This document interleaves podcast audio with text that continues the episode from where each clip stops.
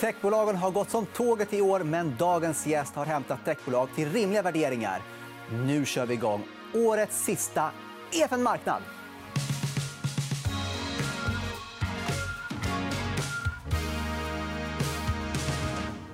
Yes, för att prata om techbolag och speciellt de stora drakarna så har jag ju med mig Johan Roslund. Varmt välkommen tillbaka. ska sägas. Du har ju varit med och pratat om det här tidigare. Tack så mycket. Trevligt att vara här. Um, Okej, okay. ska vi ta, ta techbolagen? Uh, det har ju såklart gått bra, speciellt ett coronaår där uh, de har haft fördelar gentemot ja, kanske traditionella bolag. Men sen är det också en fråga om värderingar. Alltså, värderingarna har ju verkligen skenat. Um, hur ställer du dig till techbolagen och ja, men, P 200-300 på vissa bolag? Hur ställer du dig till det? Mm, det är ju först svårt att säga vilka som är techbolag. Det, det börjar nästan bli att alla, alla bolag vill ha en slags eh, techvärdering. Sen så har vi de, eh, de bolagen som eh, precis har IPOats där väldigt många har väldigt höga värderingar. Vi ska titta på det lite längre fram. Eh, vi har ju sett över 200 IPO i USA bara i år. Eh, det var en liten paus under, eh, under covid i, i Q2. Men sen under hösten har vi sett jättemånga IPOer. Och av de här 200 så är det väl ett 20-30-tal som har dubblats första dagen. Så det har varit väldigt eh, alltså, skarpa uppgångar. Det har det absolut varit. Men som du nämnde, vad är ett techbolag egentligen? Eh, Tesla har pratat om att de liksom är lite mer techbolag. Eller analytiker pratar om dem som ett techbolag fast de tillverkar bilar. Och vad, vad är tech? Hur ställer du dig till, till det? Vart definierar du vad som ska ha en tech-multipel? Eh, Tittar man på investerarpresentationer från alla bolag, även industribolag, så har de ju väldigt många bilder där de pratar om hur de använder AI eller försöker ställa om sin affärsmodell till subscription och få mer eh, återkommande intäkter. Så att man, får, man får väl helt enkelt grotta ner sig i siffrorna och kolla vad, hur höga marginalerna är och hur återkommande intäkterna faktiskt är. Men använder man det lite, tycker du? Eller... Det tycker jag. Men det är inte konstigt från, en IR, från ett IR-perspektiv att man vill lite lite dra nytta av, av den H som är. Men så kan det vara. Ska vi då ta lite grann om IPO då? För att det förutom att det har gått bra för bolagen som finns på börsen har vi fått nya bolag som rusat. Och om vi kollar på grafen så ser man ju att det har ju varit många noteringar. Mm. Verkligen. Och det är många som vill ut nu precis innan jul. Det ser vi ju. Det Airbnb för någon vecka sen eh, gick ju jättebra. Eh, vi hade ett bolag den här veckan som är lite, lite känt, som många säkert använder, som heter, en app som heter Wish som ju faktiskt inte gick upp första dagen. Vi får se om, eh, om några månader. Det kanske var när trenden bröts. Det brukar ofta vara någon, någon stor IPO som, som helt plötsligt går ner när alla tror att de ska gå upp.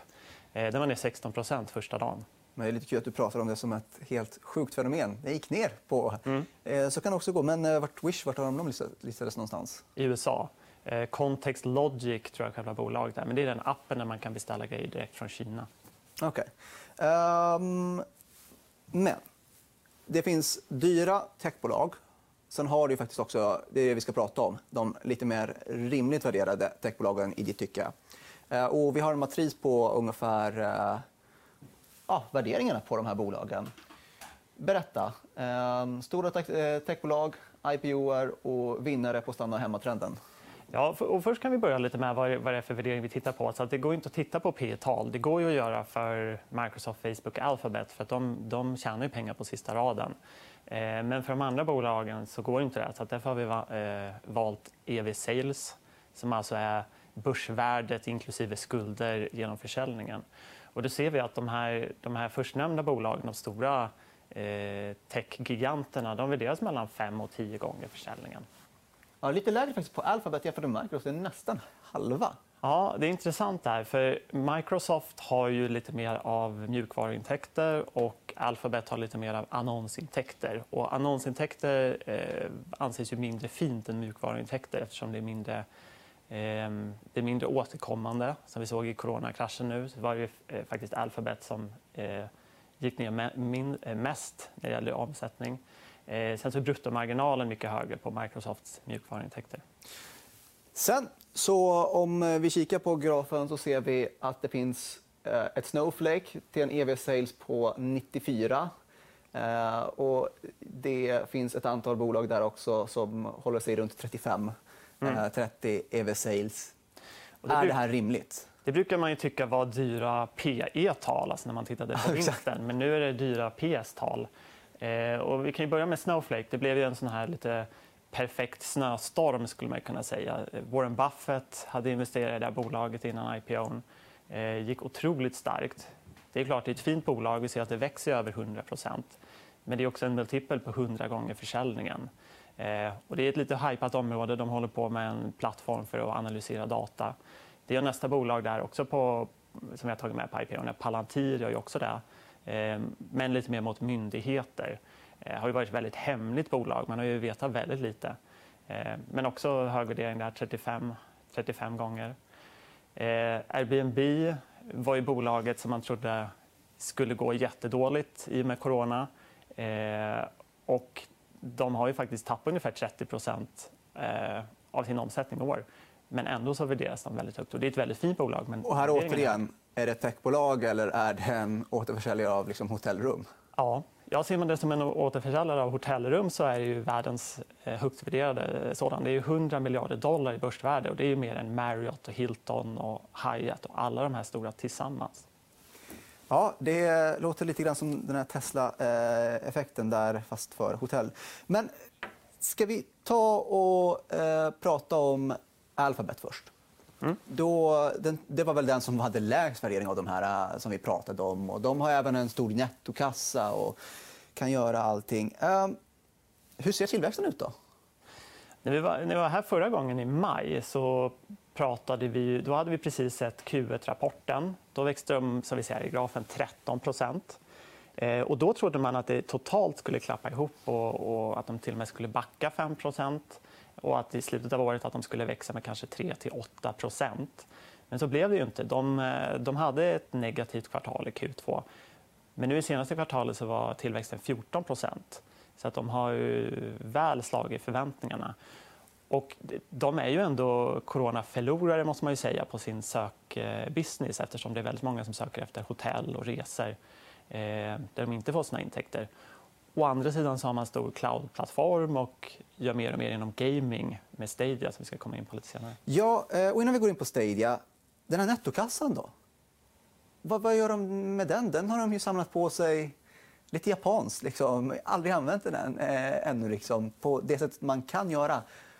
Finns det några förvärv de kan hitta? Det blir svårare och svårare för de här att göra större förvärv. Vi ser ju nästan varje dag att det kommer in en stämning på att de är för stora. Eh, Google fick en eller Alphabet fick en stämning idag eh, på att man samarbetar för mycket med Apple. Man betalar dem 10-12 miljarder dollar per år för att vara förvalssökmotor. Eh, också när det gäller budning av annonser så hävdar man att man har har agerat oetiskt. Eh, så att, eh, eh, de får ju betala ganska mycket i skadestånd så att en del, en del av pengarna eh, kommer användas till det. Sen så genererar de så otroligt mycket kassaflöde så ofta de här stämningarna brukar bara vara några dagars kassaflöde som de, de behöver betala. Men du pratar nästan som om man budgeterar in skadestånd som en del av den dagliga verksamheten? Jag tror för, inte Microsoft, men både för Facebook och, och Alphabet så tror jag att man får leva med det de närmaste åren. Att det, det kommer, de kommer behöva lägga miljarder både på advokater och på eh, avgifter. Men de har ju, ja, så sagt, så här, sökmotor så kan det ju vara svårt att kan inte riktigt köpa upp Bing eller någonting för det, nu har de ju så stor del av marknaden. Det bli sämre. Men de kan gå in på nya marknader ju. Mm. Eh, de har hållit på med Fitbit till exempel och några andra. Eh, vilka marknader är mest intressanta, eh, förutom spel som vi ska prata om nu? Om vi... Hälsotrender, är det intressant för Alphabet? Mm. Det svåra för alla de här är ju att det är svårt att hitta tillräckligt stora marknader för att det ska ge någon skillnad. Ehm, Alphabet har ju sin Other Bets division där man, där man går in på hälsa till exempel och självkörande bilar. Likadant Apple vill växa inom hälsa. Ehm, så att hälsa och fintech skulle jag säga att ganska många tittar på. Och spel. Och spel. Nu kommer vi till Google Stadia som du verkligen vill eh, prata om. Ehm, ska vi bara snabbt. Google Stadia det är ingen spelkonsol, men det är ett alternativ till en spelkonsol. Ja, om man säger normalt så spelar man ju i mobilen eller på konsolen eller på PC. Nu lyfter man ut det så att det enda du ser behöver hemma är en skärm. Du kan spela var som helst på din padda, eller tv eller dator. Servrarna ligger hos Google eh, och det gör att man inte behöver inte uppdatera sin, eh, eh, sin hårdvara. Så länge du har en bra skärm så kan du spela de senaste spelen hela alltså tiden. I klarspråk, man behöver inte den senaste konsolen, man behöver ingen monsterdator och ändå kan man spela kanonspel, eh, bara man har bra uppkoppling. Precis. Där är det stora männet just på bra uppkoppling. Och Stadia såg ut att bli en eh, var ganska dålig produkt i början. De hade ganska mycket problem och blev nedskrivna på mycket gamerforum. Eh, men nu med Cyberpunk till exempel som fungerade väldigt bra så, så har de fått lite upprättelse. Och här är det fortfarande, som alla pratar om, content is king. Det var ju det en stor del av kritiken var. Det fanns ju knappt spel liksom, på Stadia i början. Vad gör de på den fronten? Där kan man väl förvärva? Mm. Google har ju inte förvärvat så mycket inom spel. Microsoft har ju varit väldigt aktiva med Minecraft, eh, Bethesda som äger gamla titlar som Doom och Wolfenstein. Och Fallout. Exakt. Eh, men jag tror att det vi kommer se är två stora trender. Dels att de här plattformarna växer sig starkare och starkare som vi har bild på här med Apple Arcade också, Xbox Game Pass som är Microsoft. Eh, och att de kanske tillfälligt kommer, kommer gå med förlust genom att man kommer ge ut spel gratis och man kommer eh, liksom, ge ut hård hårdvara gratis som Stadia gjorde nu med Cyberpunk till exempel och gick, eh, gav bort en, en gratis eh, eh liksom, gamerutrustningen och själva dongen som du sätter i. Ehm, så det är det första. Sen det andra som jag tror kommer hända är att de riktigt bra studiosarna som liksom verkligen kan göra eh, och har gjort spel väldigt länge och har starka IPn eh, de kommer nog eh, bli uppköpta eh, till stor del. Kan du ta några exempel? Nej, men det, nyliga, det, det senaste är ju Codemaster som det är budstrid om mellan eh, Take-Two som gör eh, GTA bland annat och EA som slängdes in i leken och, och betalade 25% mer än Take-Two. Ja, och då eh, har vi egentligen pratat om ett annat fenomen, att man vill få men, gaming as a service. Alltså att man vill göra det till men, en prenumerationstjänst, jämna ut intäkterna. Som en spelare som har klarat sig utmärkt med att köpa spelen och bara få det man vill ha och inte få med det man inte vill ha. Varför kommer det här bli en grej? Varför kommer de lyckas? Alla satsar ju på det här. Mm. Från ett finansmarknadsperspektiv, om man ska börja där, så, så prissätter man ju aktier lite beroende på risk. Man får ner risken väldigt mycket om man, om man ser så här rakt intäktsflöde istället för det här lite guppiga där man, eh, där man gör en, eh, ger ut ett nytt spel och sen så säljer det jättebra och sen så har man en liten paus till nästa spel.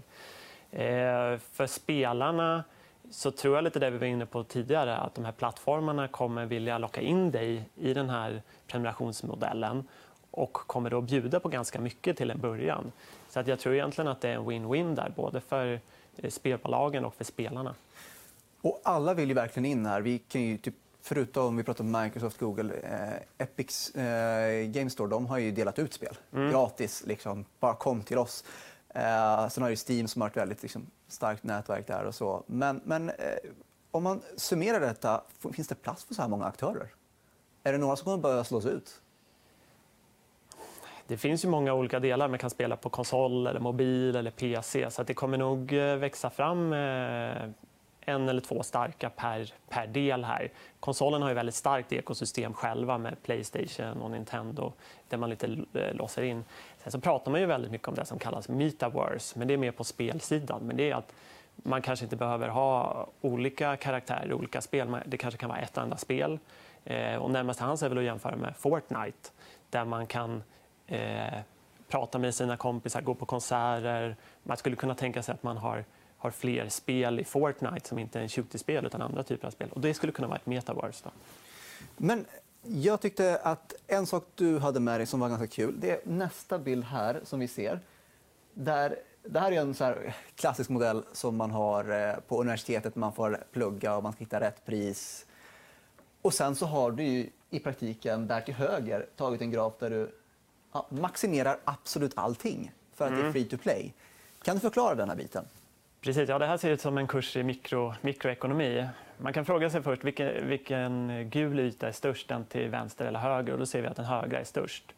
Och den högra motsvarar att man, eh, man har en eh, free to play-modell, alltså att det är gratis att börja spela och sen så köper du grejer i spelet undan för undan när du tycker att du vill ha fler banor eller snygga till din karaktär. eller sådär.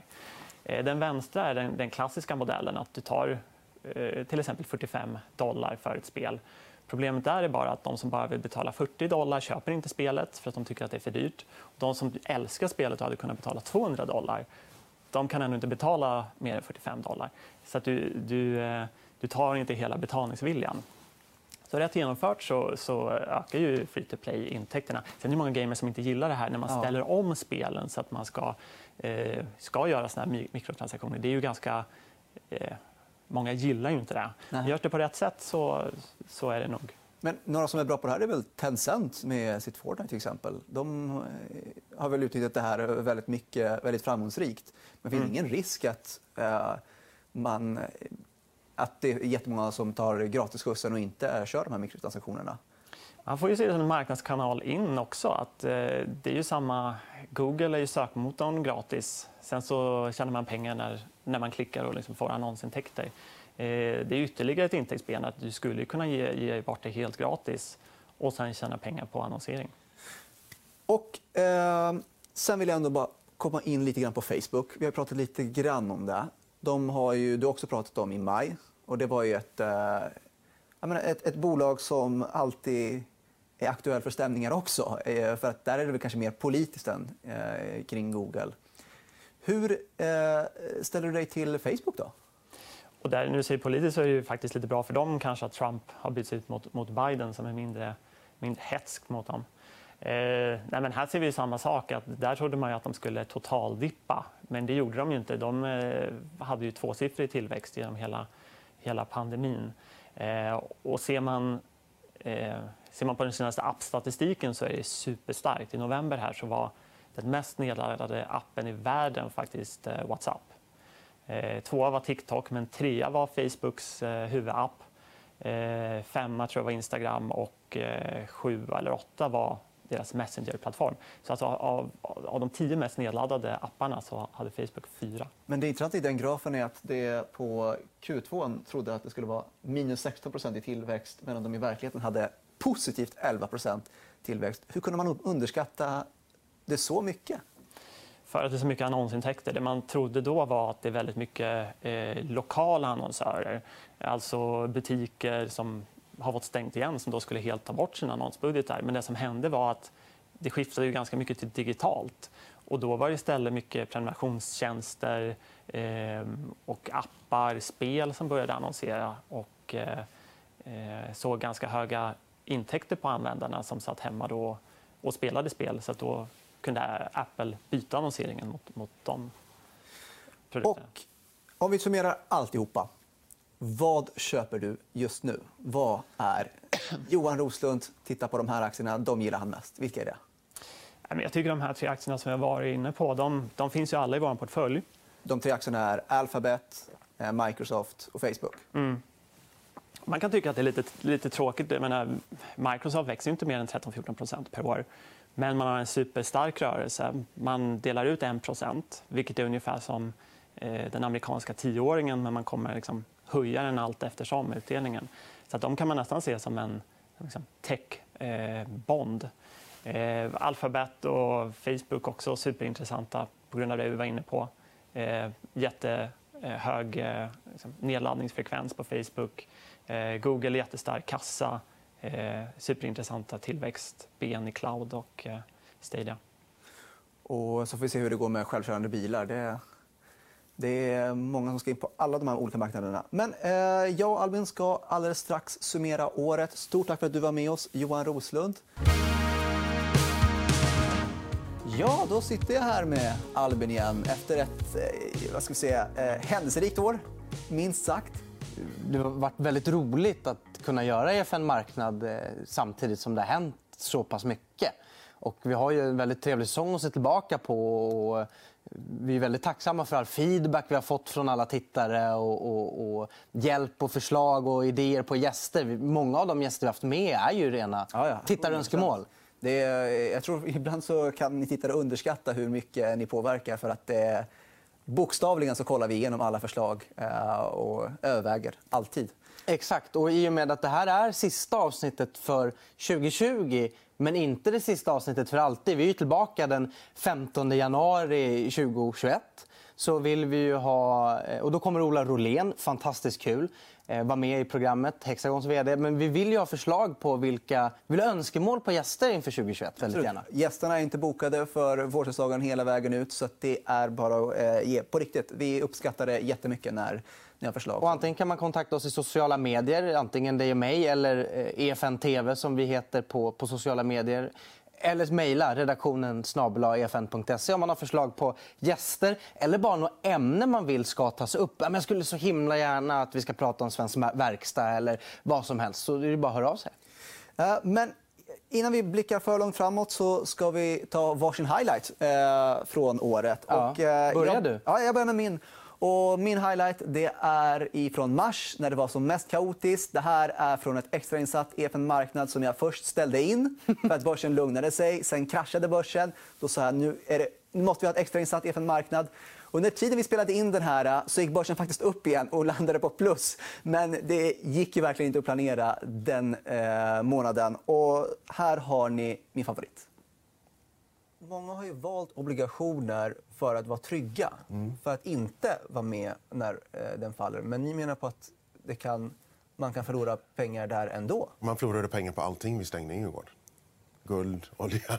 Det var allting, allting gick ner. Men det, är också, det, blir en, det blir en form av likviditetsscenario som vi, som vi satte i igår kväll. Folk behövde cash. Och det var ju typ så det var. Alltså, absolut allt gick ner.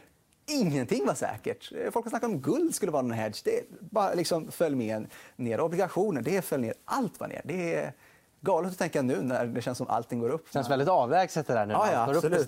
Det känns som allting är på all time high. Eh, men du Albin då? Ja, jag, jag har ju, mitt favoritminne är ju från samma period. Eh, och det var när, det, jag tror att det är säsongens mest tittade avsnitt dessutom. Eh, det var från när Christian Granqvist och Erik Springkorn var här. Eh, och det var nästan precis på botten. Och eh, då drog Erik Springkorn ett eh, väldigt, väldigt... Eh, ja, vad ska man säga? Ett citat som sen har flugit i sociala medier efter det. Vi tittar på det.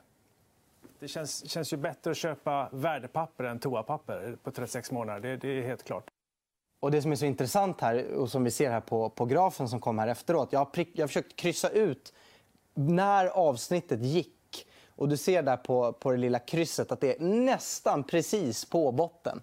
Eh, som eh, han är inne och säger att det är bättre att köpa värdepapper än toapapper. Och, ja, det, det, var, det var ett väldigt kul. Jag tycker det, det, krävs ändå lite grann för att våga säga det när det blåser så hårt där ute. Det men vi hade många gäster som kom hit i, under den perioden och ändå sa det att men ta det lugnt. Och jag ska ändå kanske ge prep sådana som Sean George och Anna Svan som var i min highlight, de ställde upp på jättekort varsel och kom hit. Och, eh, under en tid där det var så mycket som hände. Och hjälpte till att lugna oroliga tittare. Ja, och kanske en orolig Ara också som lugnade. Så eh, om eh, vi summerar detta så är det så att vi verkligen ber er tittare skicka in. Alltså mm. på riktigt, skicka in eh, era förslag, tankar, idéer. Axel Albin heter du på Twitter. Jag heter Spara Mustafa på Twitter. Mm. Eller, ja, jag heter samma på Instagram också. Som sagt var, TV finns i de kanalerna också. Och så får vi tacka för, för allt ni har gjort. Tittat på säsongen, delat det vi har gjort, spridit vidare. Fortsätt med det 2021 så ska vi se till att göra en till riktigt bra säsong med EFN Marknad. Och nu säger vi god jul och gott, gott nytt år! år.